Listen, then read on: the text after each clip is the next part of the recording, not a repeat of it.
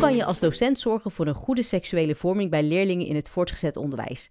In deze podcast, Tussen Nu met Noordhof, praat ik Nanda van Heteren online met vakexperts, ervaringsdeskundigen en collega's uit het onderwijs, zodat jij op de hoogte bent van de laatste ontwikkelingen.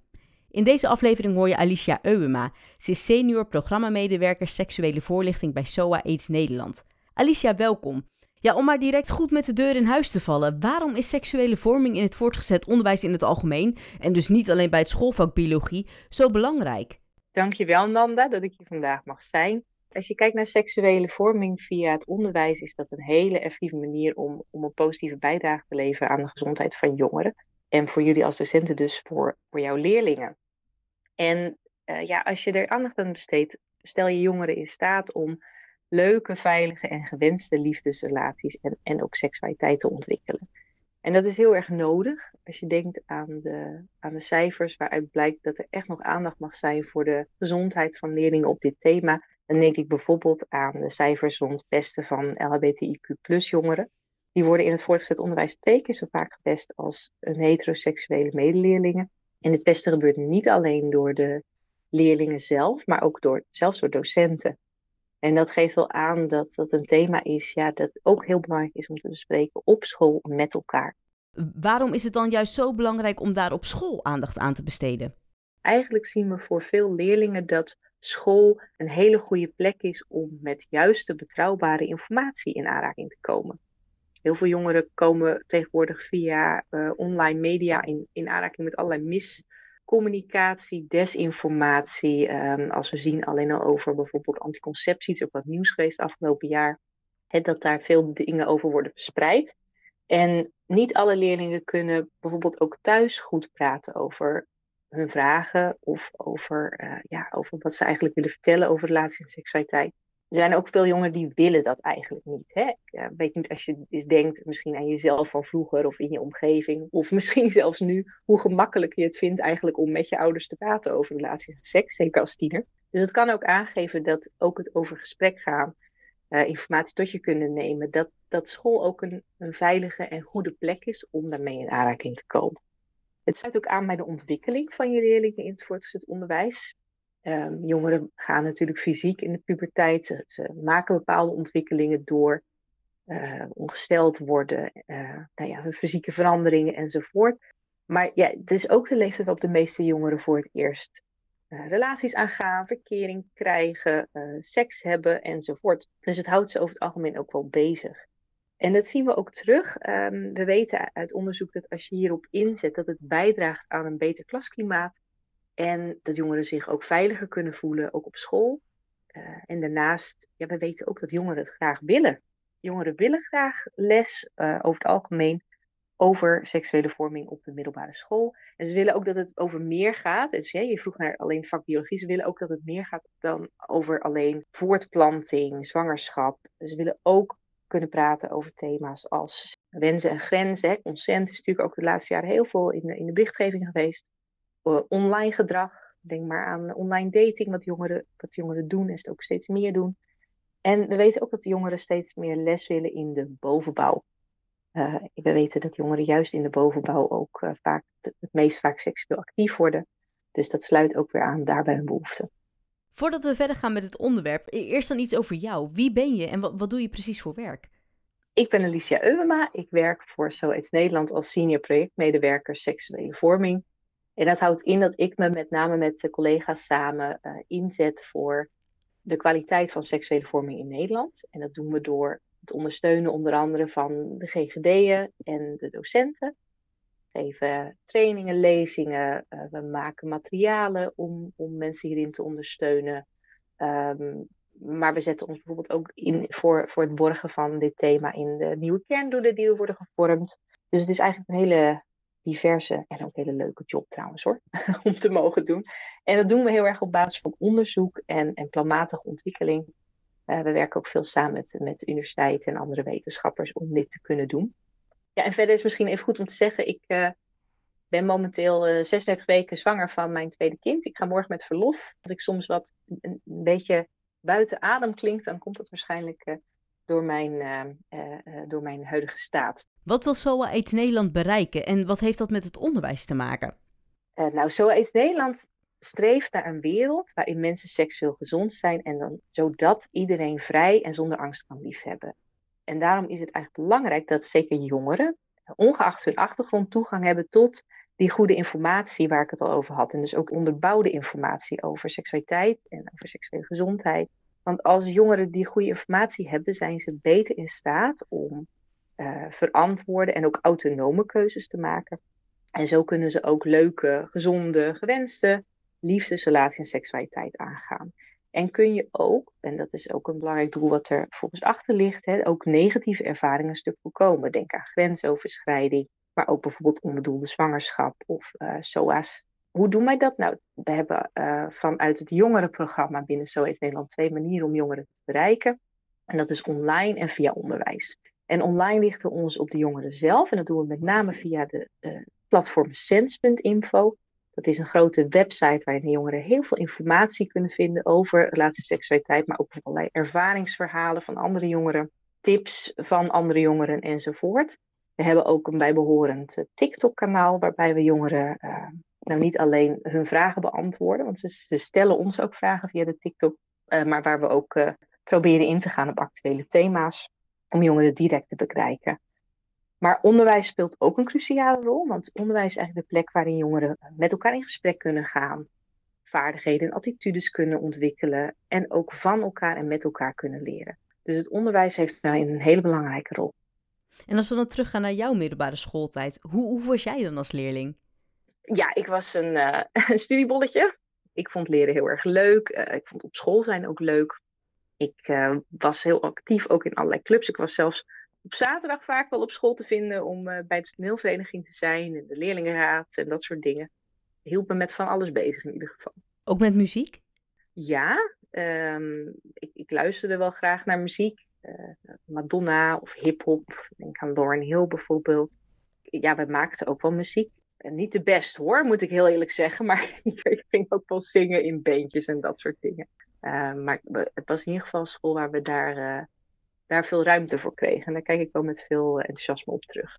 Terugkomend op het onderwerp, kan je kort uitleggen wanneer leerlingen in Nederland op school seksuele vorming krijgen? Dat verschilt eigenlijk heel erg per school. Dat scholen ook daarin zelf veel vrijheid hebben om dat in te vullen, in welke klassen ze dat precies doen en in welke mate en op welke manier ze dat precies doen. Maar scholen hebben vanuit de overheid wel een stukje verlichting daarin, want het staat ook in de kerndoelen dat men hier aandacht aan besteedt. En dan zowel voor het primair onderwijs als de onderbouw van het voortgezet onderwijs en overigens ook voor het speciaal onderwijs. In hoeverre hebben we hier ook te maken met een doorlopende leerlijn?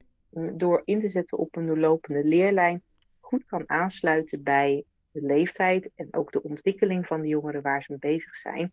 En ook dat het ja, eigenlijk door de jaren heen een stukje opbouwt. Kijk, als je kijkt naar seksuele ontwikkeling, dat start niet pas in de puberteit eigenlijk ontwikkelt ieder mens vanaf de geboorte bepaalde gevoelens, gedachten, opvattingen die, die ook later mede bepalen welk seksueel gedrag jij gaat stellen. Denk maar aan uh, ja, een peuter die de geslachtsdelen benoemt, uh, kleuters die verliefd zijn op elkaar, maar ook de opvoeding die je vanuit je omgeving meekrijgt over bepaald gedrag, zowel verbaal als non-verbaal. Heeft heel veel invloed op hoe je in de loop der jaren daarin gaat denken. En dat geldt thuis, maar dat geldt bijvoorbeeld ook op school. Um, ja, denk maar even aan de lagere school, bijvoorbeeld kustikkertje wat op het schoolplein wordt gespeeld. Ja, wordt dat gedaan? Hoe wordt daarop gereageerd? Uh, als het gaat over de middelbare school, uh, hoe zichtbaar zijn bijvoorbeeld collega-docenten die uh, openlijk homoseksueel zijn of niet? Um, mag je een kort rokje dragen op school? Of is daar een, idee over dat dat wel of niet mag? Dat zijn eigenlijk allemaal ook al boodschappen die we jongere leerlingen meegeven over relatie en seksualiteit. En door een doorlopende leerlijn in te zetten op school kun je eraan bijdragen dat uh, ja, hun seksuele ontwikkeling meer is dan een keer een lesje over hè, wat is uh, seks en uh, hoe kun je zwangerschap voorkomen. Maar kun je ook heel erg inzetten op die ontwikkeling van vaardigheden, attitudes, uh, ja, maar ook waarden en normen en, en wat zij willen. Ik denk dat het heel erg belangrijk is voor, is, ja, dat denk ik niet alleen, dat blijkt ook uit onderzoek, hè, voor het ontwikkelen van positieve laatste seksualiteit op latere leeftijd, dat jongeren autonoom beslissingen kunnen gaan maken. Ja, en wat is daarvoor nodig? Dan heb je wel de goede kennis en vaardigheden nodig om dat te kunnen doen. En daarvoor is idealiter meer nodig dan één keer één lesje. En daarnaast maakt het het ook, denk ik, ehm, beter haalbaar en draagbaar om te weten dat het dus ook niet afhankelijk is van jouw ja, inzet, input op één les als alleenstaande docent. Hè. We zijn ook met, met elkaar vanuit het onderwijs, denk ik, als collega's er om daarin elkaar aan te vullen. En iedereen zal zijn eigen manier hebben om, om gedrag te bespreken, om op leerlingen te reageren, om het op deze manier op te bouwen. Dus je zegt eigenlijk het is nodig in het onderwijs zodat ze een volledig beeld uh, krijgen en uh, hun seksuele vorming dus ja, op basis van heel veel verschillende verhalen die ze niet alleen thuis meekrijgen of van elkaar of ja, de wereld in breder perspectief zien. Ja, zeker. Zo, zo, um, nou ja, en daarnaast van het, dat, dat wat ze dan krijgen ook aansluit bij de ontwikkeling waarin ze zitten. Want denk maar aan het middelbaar. Een leerling uit het eerste leerjaar heeft uh, ja, over het algemeen een hele andere ontwikkeling, ook op seksueel vlak en relationeel vlak dan uh, een leerling in uh, vierde VMBO of in zes VWO. Ja, die zijn alweer met hele andere dingen vaak bezig en reageren op een andere manier, hebben ook een andere behoefte. Ik noemde al eerder in het gesprek dat we weten uit onderzoek dat jongeren eigenlijk juist ook, ook behoefte, ik zeg bewust ook, ook behoefte hebben in de bovenbouw aan, aan het gesprek hierover. Omdat, uh, ja, ik weet niet of je het weet, maar de, de gemiddelde leeftijd waarop jongeren in Nederland voor het eerst penis in vagina seks hebben, is, is 18 jaar. Dus ja, dan, dan wil het al een beetje zeggen dat het gesprek daarover, hè, van de hoorde ook wel van jongeren, dat ja, dan dan ben ik toe aan seks met mijn vriendje en dan ben ik alweer vergeten wat ik in tweede ooit heb geleerd daarover. Dus die herhaling en ook uh, aandacht voor verschillende aspecten, dat is juist iets wat niet alleen belangrijk is, maar ook heel effectief is. Een ander begrip is Comprehensive Sexuality Education. Dat wordt ook wel afgekort met CSE. Um, wat houdt deze term precies in? Ja, CSE staat inderdaad voor Comprehensive Sexuality Education. En dat houdt in dat de lessen die je geeft over liefde, relaties en seksualiteit over een breed aantal thema's gaan. Het staat eigenlijk een beetje ten opzichte van wat, wat ook nog steeds bestaat trouwens, uh, maar wat, wat, wat in Nederland in ieder geval minder bestaat, maar wat ook wel, uh, dit een, beetje de geschiedenis heeft, zeg maar, zullen we maar zeggen, is uh, wat we noemen abstinence-only education. Uh, dat, dat richt zich eigenlijk op uh, zeggen van ja, hè, je kunt beter geen seks hebben, of in ieder geval geen seks hebben tot aan het huwelijk. Ja, die wordt, die wordt waarschijnlijk niet zoveel gegeven in Nederland. in die zin dat we weten vanuit onderzoek dat dat weinig effectief is om, om het op die manier te vertellen om onbedoelde zwangerschap en SOA-HIV te voorkomen. En waar denk ik dan aan? Ja, niet alleen van doe het niet of pas op. Hè, dat is de andere uh, uh, vorm van sexuality education, dat je gaat richten op um, ja, waarschuwen. We weten juist dat het past om jongeren uh, goede informatie te geven, complete informatie te geven. Bijvoorbeeld ook over wat ontdekken wat je wilt, wat je grenzen zijn. maar ook wat is verliefdheid? hoe kijk ik naar mijn lijf? Dus door al, al die thema's aandacht te besteden, kom je weer, wat ik zei, op het punt dat jongeren ook zelf bewust kunnen kiezen, ja, wat wil ik dan? Wil ik pas seks als ik, zeg maar even iets, hè, als ik een vaste relatie heb of als ik met iemand verloofd ben? Of, of wil ik wel ook nu al wisselen contacten aangaan? Um, met wie wil ik seks hebben, op welke voorwaarden? Dat ze daarover ook bewust kunnen gaan nadenken en daarom ook zelf keuzes kunnen maken. Ik noemde bijvoorbeeld dat cijfertje net over wanneer we weten dat, dat jongeren voor het eerst uh, gemiddeld uh, seksueel actief worden. Alleen al dat uh, feit, als wij dat delen bijvoorbeeld met jongeren, of als je dat deelt in de klas, dan zie je bij heel veel jongeren al zoiets van, oh, maar dan pas. Weet je wel, dus vaak misconcepties ook. Jongeren bijvoorbeeld denken dat iedereen in de klas al seks heeft gehad, terwijl dat vaak helemaal niet zo is. En dus dat, dat kan ook um, misconcepties en ook een stuk sociale norm of druk ontkrachten, zodat jongeren meer in staat zijn om zelf keuzes te maken op basis van wat zij belangrijk vinden, wat zij graag willen. In hoeverre zien jullie al positieve effecten van CSE in Nederland? Is het vanwege die cijfers en die druk die dan afneemt? Nou ja, kijk, als je kijkt naar internationaal onderzoek, dan zie je eigenlijk vanuit de afgelopen drie decennia, en dan bedoel ik echt naar vergelijkende onderzoeken, dan komt er wel duidelijk naar voren dat Comprehensive Sexuality Education een bewezen effectieve manier is om te werken aan de seksuele gezondheid van jongeren. Maar het is lastig om in Nederland direct effect aan te wijzen van seksuele vorming. Want dat, ja, dat hangt met heel veel factoren samen. Het is heel moeilijk om daar een specifieke effectstudie naar te doen. Dus mm, ja, vanuit wetenschappelijk oogpunt ben ik altijd een beetje voorzichtig om te zeggen hè, dat, dat, heeft, dat komt daardoor.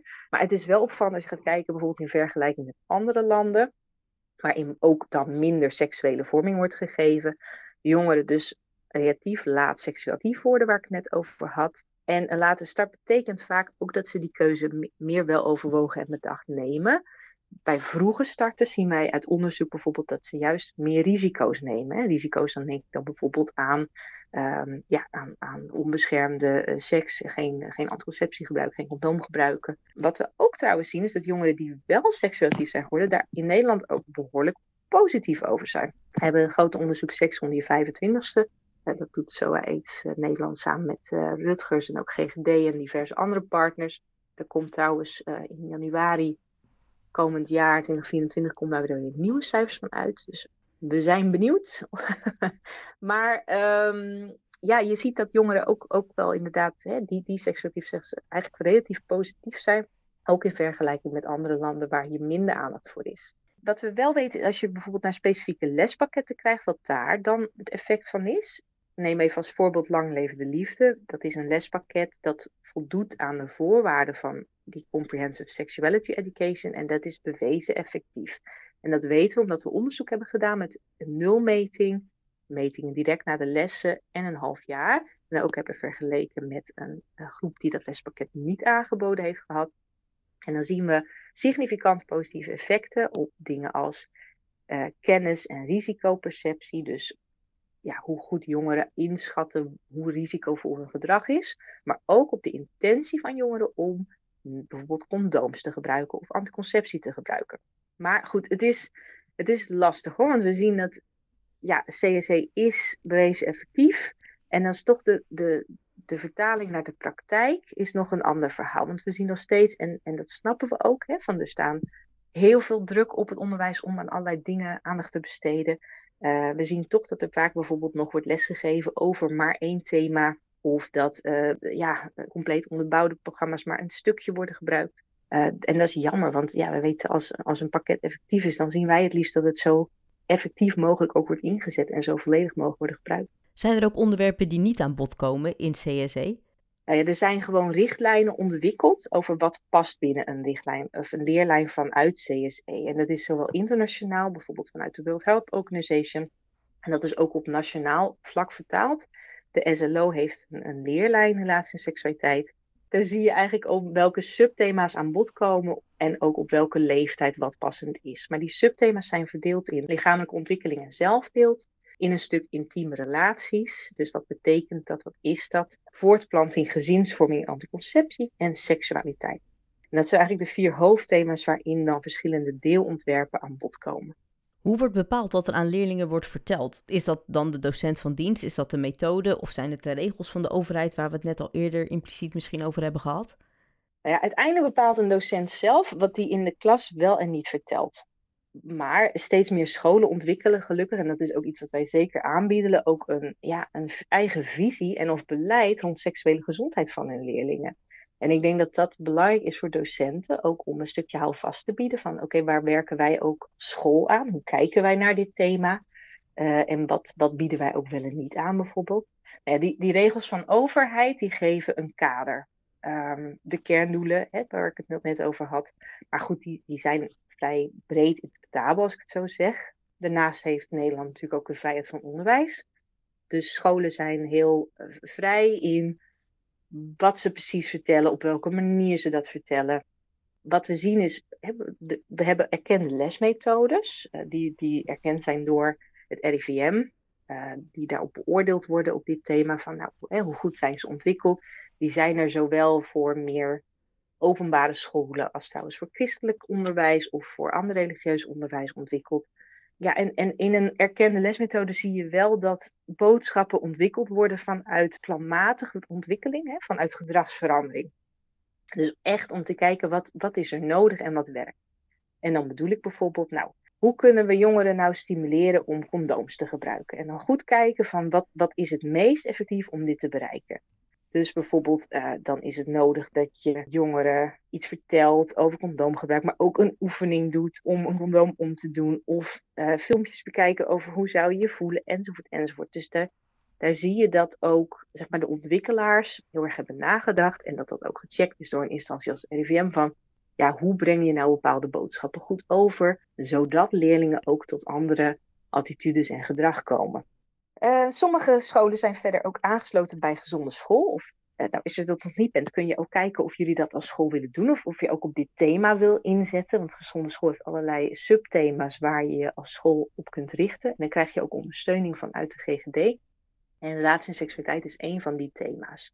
Daarin hebben we ook een kader. Je kunt, als je dat wilt, hoeft niet, maar als je dat wilt, kun je als school eigenlijk gaan toewerken naar een vignet gezonde school. En dan zie je ook welke thematieken bijvoorbeeld je zou moeten laten terugkomen om echt tot dat gezonde schoolpredicaat in aanmerking te komen. Maar goed, dan ga je ook bijvoorbeeld kijken naar ja, wat we noemen andere pijlers, dus andere onderdelen. Niet alleen in het klaslokaal, maar in de school als geheel met elkaar samen te werken aan die gezondheid van je leerlingen. Dus ook kijken naar het beleid van je school, kijken naar hoe gaan we om met signalering, ook kijken hoe zit de omgeving in elkaar, dat soort dingen. Wie geeft eigenlijk deze lessen? Bij voorkeur een eigen docent. En dan denk ik aan een vakdocent uh, en of een mentor. Uh, vaak worden lessen gegeven in biologie of een vak als burgerschap of mentorlessen. Daarnaast, ja, een gastles kan een goede aanvulling zijn, maar als wij kijken naar onderzoek blijft het wel dat dat minder effectief is. Het, het is ook vaak gericht meer op één thema, dus, dus niet in lijn met die effectieve aanpak van meerdere thema's waar we het net over hebben gehad. En daarnaast helpt het ook mee in het creëren van een veilige sfeer in de lessen, dat docenten en leerlingen elkaar goed kennen. Goed om te weten, vaak geven scholen lessen als deze in het voorjaar. En dan is de klas ook al een tijd bij elkaar, dat kan ook schelen. Uh, wij hebben uh, landelijk de Week van de Liefde, die we met een heel aantal partners organiseren. Dat is altijd in de week van Valentijnsdag. Dit jaar is het uh, 2024, heb ik dan over, is het twee weken, omdat we met de voorjaarsvakantie zitten. En we natuurlijk rekening houden met de scholen die graag carnaval willen vieren. Maar dat, dat kan een, een extra moment zijn om bijvoorbeeld het thema onder de aandacht te brengen. Ja, dat, dat, dat, klinkt wel heel logisch inderdaad wat je zegt. In het kader van groepsvorming. Ja, de groep moet elkaar natuurlijk al wel wat langer kennen. En jij als docent moet ook wel meer een band hebben met die klas. Het gaat natuurlijk veel sneller aan het einde van het jaar dan aan het begin van het schooljaar. Wanneer ze nog allemaal nieuw zijn voor elkaar en voor jou. ja, het klinkt vrij logisch. Fijn om te horen. Ja, het is natuurlijk ook zo. Kijk, um, ik kan me wel voorstellen, dat horen wij soms ook, hè, dat docenten zeggen van ja, ik heb deze lessen nog nooit gegeven. Ik vind het heel spannend. Um, soms kan het ook helpen om bijvoorbeeld het, waar dat mogelijk is, om ze eerst eens samen met een andere collega te geven. Dat je een keer kunt meekijken met een collega die ze al vaker heeft gegeven. Maar het, het, ja, het is wel een thema waarvan we weten van, ja, onbekend is onbemind. Vaak voelen mensen, als ze het nog niet hebben gedaan, een drempel.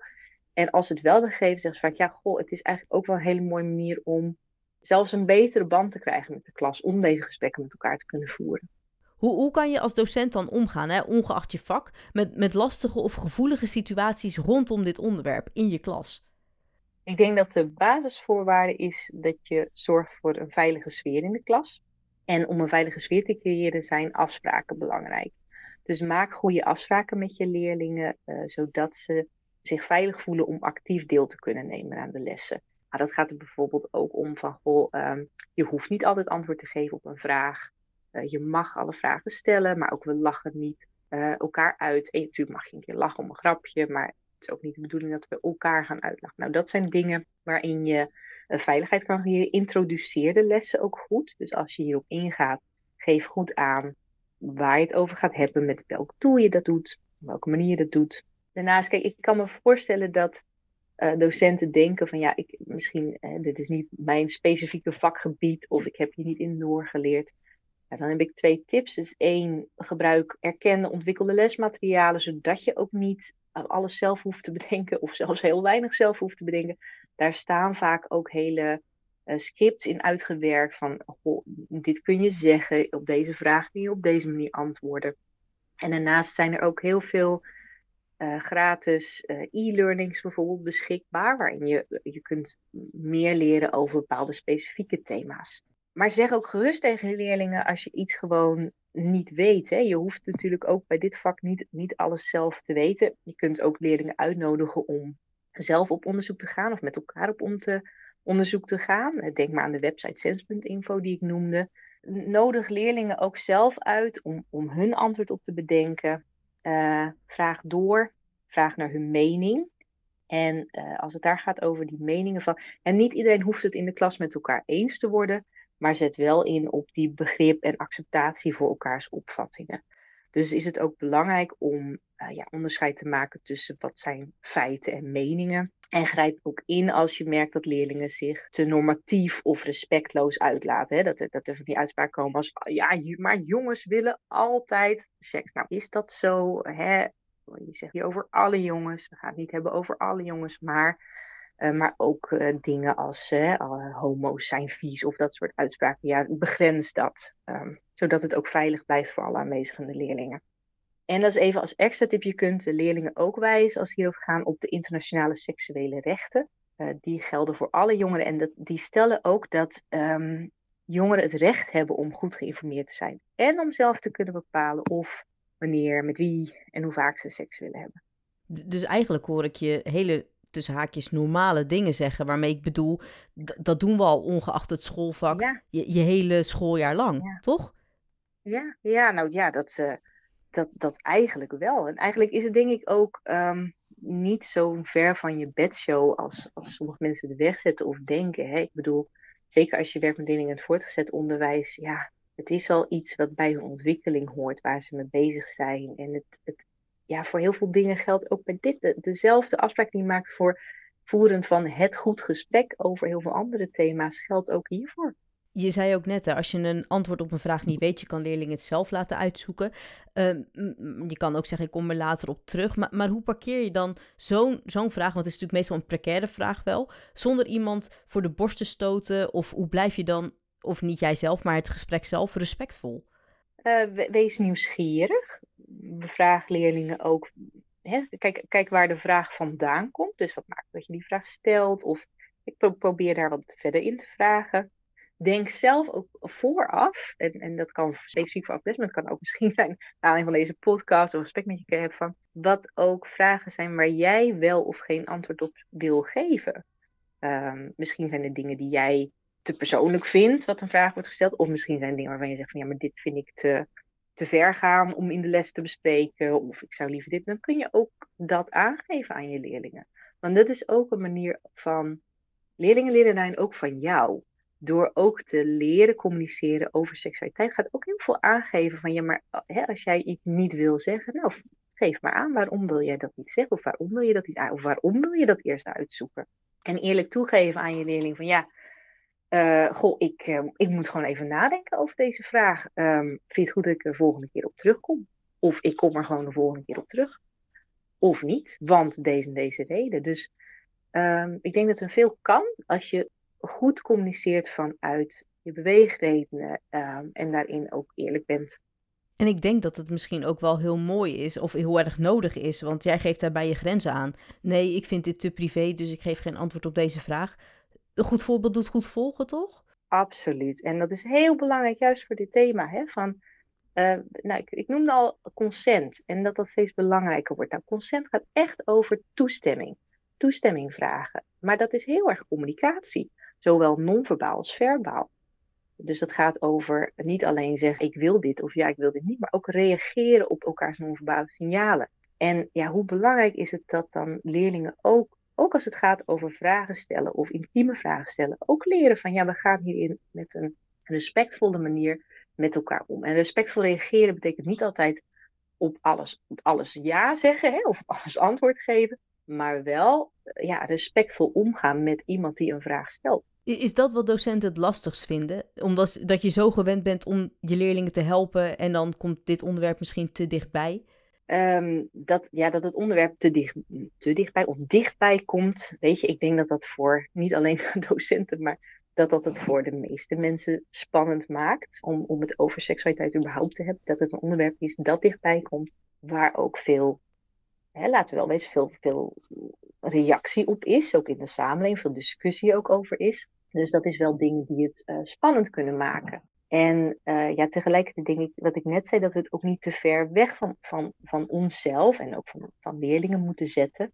Uh, ja, daarnaast uh, vinden, zou je misschien verbazen, maar docenten die stellen ook vaak veel vragen aan ons van, zeker als ze zelf al die lessen geven of hebben gegeven, van ja, ik wil ze wel geven, maar ik krijg mijn schoolleiding niet mee, of ik vind er te weinig tijd voor, of ik krijg mijn collega's niet meer. Dus daar krijgen wij ook veel vragen over, eerlijk gezegd.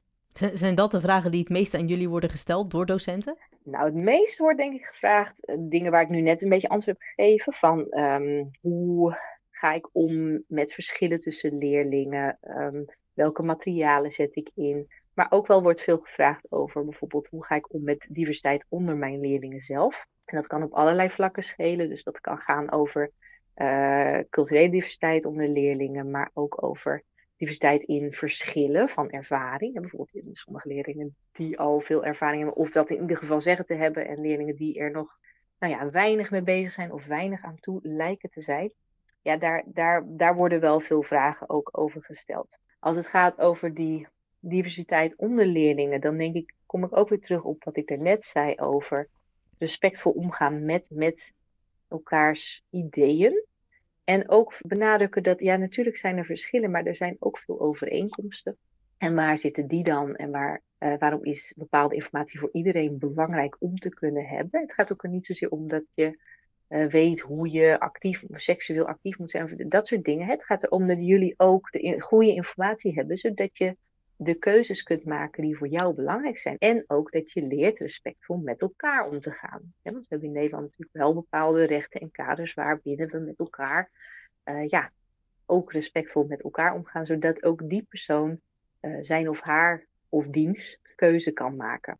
En dat zijn denk ik twee belangrijke dingen als het gaat om omgaan met verschillen. Uh, en twee, ja, als je inderdaad gebruik maakt van die materialen die ik benoemde, dan wordt daar ook vaak op die manier naar gekeken. Eh, als ik bijvoorbeeld ja, kijk naar, naar een lesmethode als lang levend liefde, dan zie je daarin dat er ook vanuit uh, heel veel verschillende jongeren, er zijn ook allerlei filmpjes met, met interviews met jongeren bijvoorbeeld, en in de boekjes worden voorbeelden gegeven van gesprekken van jongeren, waarin je ook allerlei verschillende quotes van hen hoort. En dat is denk ik voor jongeren heel belangrijk, hè? dat ze bijvoorbeeld zowel iemand aan het woord horen van hun leeftijdsgenoten die zegt, ja, ik ben nog nooit verliefd geweest, of ik heb daar ook helemaal geen interesse in, of uh, zoenen, nou, ik heb er niks mee. Als iemand zegt van, nou, ik, uh, uh, ik heb al seks gehad, ook al met, met mensen, en ik vond het hartstikke leuk, of niet, of de ene keer wel en de andere keer niet. en ook iemand zegt van, nee, ik wil wachten tot het huwelijk, want dat, dat vind ik passen bij mijn geloof en mijn overtuiging. Ja, die diversiteit maakt voor jongeren ook duidelijk van, oké, er zijn ook verschillende manieren om naar te kijken, en dat haalt ook een stukje mythevorming en invulling ook naar elkaar toe weg. Zijn dat ook de vragen die je het meest vanuit leerlingen krijgt? Van wanneer begint de ander ermee? Of is het oké als ik bijvoorbeeld wacht tot het huwelijk? Of dat soort persoonlijke vragen? Oh, dat is heel divers. Ja, eh, eh, dat, dat kan over persoonlijke vragen gaan, maar er komen allerlei vragen binnen. Nou, als ik kijk bijvoorbeeld op, op het TikTok-kanaal, dan uh, uh, waar jongeren ook eigenlijk vaak anoniem hun vragen kunnen stellen in reactie op filmpjes dan zie je van alles langskomen. Van um, uh, wanneer kan ik voor het eerst zwanger worden tot um, nou, wat, uh, wat zijn. Uh, ik, ik zit op een dating app en ik zie allerlei afkortingen langskomen. Wat betekent dat? tot um, welke anticonceptiemiddel is veilig? tot hoe kun je seks hebben als je ongesteld bent? Nou, je kunt zo gek niet bedenken of ze komen wel voorbij. En dat is misschien ook wel een leuke tip, wat ik ook weet van, is dat je bijvoorbeeld in, de, uh, in je klasruimte een vragenbox kunt neerzetten, waar leerlingen gewoon uh, anoniem een vraagje in kunnen doen. Als je dat wil faciliteren, kun je ook bijvoorbeeld ze allemaal een briefje geven en dan mogen ze iets opschrijven. Als ze geen vraag hebben, kunnen ze gewoon weet je een vraagteken opschrijven of whatever. Maar als ze dat inleveren, ja, dan kun je zelf kijken welke vragen bij, bij hen leven. Uh, en kun je ook kijken, nou, waar, waar kan ik misschien klassikaal op ingaan of hun zelf antwoorden op laten formuleren of dingen laten onderzoeken. Vind je dat alle docenten een training zouden moeten volgen over dit onderwerp? Uh, nou, ik, ik ben nooit zo van het moeten, dus dat zal ik niet zeggen. Ik denk dat het ten eerste goed is dat er, uh, en daar, dat is ook iets waar wij voor pleiten en ook met leraaropleidingen naar kijken, dat er op de lerarenopleidingen meer ruimte komt voor het thema.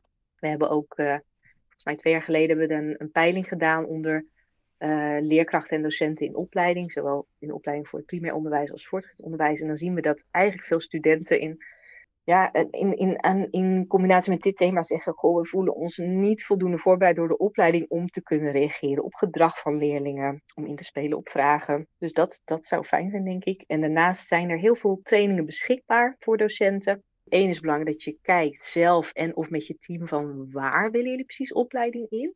Gaat dat meer over uh, reageren op vragen van leerlingen? Gaat dat over gedrag in de klas? Gaat dat over meer de veiligheid waarborgen met elkaar? Dus kijk ook goed van waar ligt dan de behoefte. En twee is, ja, ik vind wel dat schoolleiding en management ook dat moet ondersteunen en zorgen dat er ook tijd en geld en ruimte voor vrijgemaakt wordt. Want ik weet ook dat, uh, dat er soms veel bij het bordje van docenten wordt neergelegd zonder dat er daar extra ruimte voor komt. Dus dat zeg ik er wel even bij, dat ik dat ook belangrijk vind. Deze podcast begon met de vraag hoe je als docent voor een goede seksuele vorming bij leerlingen in het voortgezet onderwijs kan zorgen. Deze vraag is wel deels beantwoord, maar nog niet helemaal. dus mijn vraag, hoe doe je dat? Nou, als ik een paar concrete tips mag geven, zou ik zeggen, um, maak gebruik van wat er al bestaat. En er is een ruim beschikbaar, zeker voor het voortgezet onderwijs, aanbod uh, voor allerlei leeftijden, schooltypen, soorten uh, ontwi wetenschappelijk ontwikkelde materialen die het je makkelijker maken en die ook zoveel mogelijk inzetten op effectieve lessen. Twee is zorg voor een ondersteunende schoolomgeving, zowel voor jou als docent als voor de leerlingen. En dat doe je door in te zetten op verschillende vlakken. Dus zowel ervoor te zorgen als schoolteam, en ik zeg bewust team, want zorgen voor hè, goede seksuele vorming doe je niet in je eentje, dat doe je met elkaar als team, als school. Uh, dus zorg voor dat er een uh, ondersteunend beleid en visie komt vanuit de school. Van hoe kijken we hiernaar, wat doen we hierin? Dat er aandacht is voor omgaan met signalering. Dus kijk ook wat de zorgstructuur is binnen je school. Als er, als er issues zijn, als er problemen komen van wie zijn de aanspreekpunten, weten de leerlingen de weg daarnaar te vinden. Als het gaat om zorgissues rond deze thema's. En zorg ook voor um, educatie waar gewenst, wat ik eerder gezegd, en waar nodig voor docenten zelf. Maar vergeet ook niet wat jullie zelf als professionals al kunnen weten, welke ja, pedagogische basisvaardigheden je ook al hebt om een goed klasklimaat te scheppen, om het goede gesprek aan te gaan met je leerlingen. En ten laatste van zorg ook voor een, een goede schoolomgeving, zoals we dat noemen. Dus uh, ik mee van ook als school hoef je niet eentje te doen. Er zijn ook allerlei partnerorganisaties in je omgeving die je hierin kunnen helpen en steunen. Denk aan de GGD. Denk aan uh, jeugdwelzijnsorganisaties die hier soms een rol in kunnen spelen. Maar ik denk ook aan jullie eigen uh, leerlingen en ouders. Dus geef vooraf goede informatie. Zorg dat ook bijvoorbeeld in jullie schoolgids of op de website duidelijk is als jullie aandacht gaan besteden op welke manier je dat doet. Um, en vraag ook aan de leerlingen zelf waar zij behoefte aan hebben. Altijd mooi om hier een stuk uh, leerlingenbetrokkenheid bij te vinden of te werven. Terugkomend op mogelijk die, die partners waarmee je kan samenwerken. Als je nou als docent na het luisteren van deze podcast vindt, mijn school moet meer aandacht geven aan seksuele vorming. Hoe, hoe krijg je dan je schoolleiders mee of je collega's mee? Nou, ten eerste zou ik zeggen, ga ook gewoon met je collega's in gesprek. Als jij enthousiast bent, hartstikke mooi, maar vraag ook collega's naar hun meningen, ervaringen, uh, hun ideeën rond dit thema, zodat je ook goed zicht hebt op wat er leeft in de school, uh, wat, wat, uh, nou ja, wat hun gevoel is daarbij of hun mening daarbij. Naar schoolleiders toe denk ik dat het een, een sterk argument is dat, je, dat je beter inzet op preventie dan op rampenstrijding. Door, door proactief inzetten op, op de seksuele gezondheid van je leerlingen kun je ook probleemsituaties mogelijk voorkomen. En je weet ook beter hoe je kunt handelen als zich vervolgens iets voordoet op je school. Ik denk bijvoorbeeld aan uh, een sextingfilmpje dat rondgaat onder leerlingen. Hè? Van hoe ga je, reageer je daarop? Op welke manier? Wat doe je daarmee? Hoe bespreek je dat in de klas? Enzovoort. En om dat te kunnen onderbouwen, zou je mogelijk ook kunnen kijken, en daar kan ook je lokale GGD bij helpen als je hierin wil zoeken van bijvoorbeeld die cijfers van Sex 25, waar ik het net over had. We hebben ook bijvoorbeeld regionale cijfers van ja, hoe staat het bijvoorbeeld met de seksuele gezondheid van jongeren in jouw regio. Zo te horen ben je op jouw manier heel betrokken bij de onderwijssector. Het is natuurlijk een vakgebied waar heel veel goed gaat, waar ook heel veel voor verbetering vatbaar is. Als jij nou de onderwijsminister zou zijn, wat zou je dan veranderen en, en hoe zou je dat doen en waarom? Nou, ten eerste zouden we volgens mij een hele aparte podcast nog kunnen opnemen, maar ik zal het hier kort houden. Ik, ik vind ten eerste belangrijk van, ik weet dat onderwijspersoneel ook onwijs onder druk staat. Dus um, ik zou willen inzetten op de werkdruk verlichten. Onder andere door geld vrij te maken voor meer ondersteunend onderwijspersoneel. En daarnaast gerelateerd in dit thema zou ik willen dat er in de basis meer aandacht is voor gezondheid en gezonde gewoontes onder leerlingen. Zeker ook wetende dat dit ook invloed heeft op betere schoolresultaten. Als jouw leerlingen goed in hun vel zitten, zich veilig en gezond kunnen voelen, eh, een goede sfeer hebben op school, dan zal zich dat zeker ook verbeteren in de resultaten van de leerlingen. Dankjewel voor dit leuke gesprek. En, en trouwens ook bedankt voor alle links die je hebt gegeven en e-learnings en dergelijke. Want die staan straks als omschrijving bij deze podcast hieronder voor de docenten, zodat zij dit ook kunnen vinden. Ja, dankjewel. Ik vond het heel leuk om hier te zijn. En uh, nou, ook, ook de open uitnodiging via deze podcast. Uh, mocht je nu met onze organisatie in gesprek willen gaan hierover, weet ons te vinden ook via de links die we aangeven in de podcast. Super, dankjewel. Vind je deze podcast nou leuk? Beoordeel hem dan, zodat andere mensen hem ook kunnen vinden.